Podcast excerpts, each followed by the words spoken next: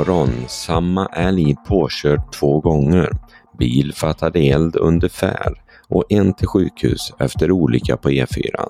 Här är de senaste nyheterna från Helsingborgs Dagblad. Igår eftermiddag blev en älg påkörd på E6 utanför Helsingborg. Olyckan skedde strax norr om trafikplats Helsingborg södra och ställde till en hel del oreda i trafiken innan saken var över. Den påkörda älgen som dog blev liggande på vägbanan. Av oklar anledning larmades inte polisen till platsen och därför blev älgen påkörd ännu en gång av ytterligare en bilist. Det hela inträffade strax före klockan halv fem och det dröjde till klockan åtta innan älgen var bortforslad från vägen. Ingen person skadades dock vid olyckorna. Igår kväll fick en bilist som körde på väg 107 i Bjuv stanna efter att bilen fattat eld. Föraren lyckades ta sig till en parkeringsficka dit räddningstjänsten larmades. Släckningen gick bra och ingen person skadades vid händelsen. Strax efter klockan två i natt inträffade en trafikolycka på E4 i höjd med Rya i Örkelljunga kommun. Räddningstjänst och ambulans körde till platsen där en bilist hamnat i vägens sidoräcke.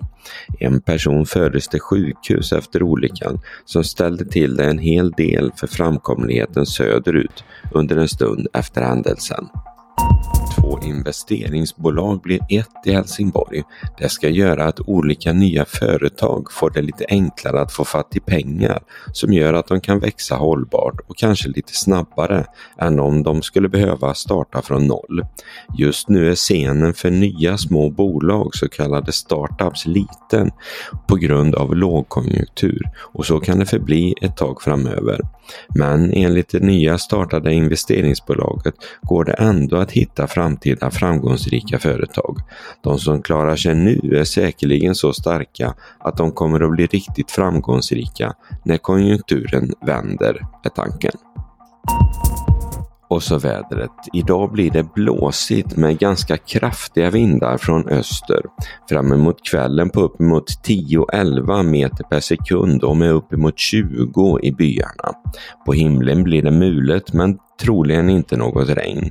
Temperaturen håller sig kring nollan men tack vare blåsten kommer det att kännas som minus 6-7 ikväll och lite mindre fram till dess.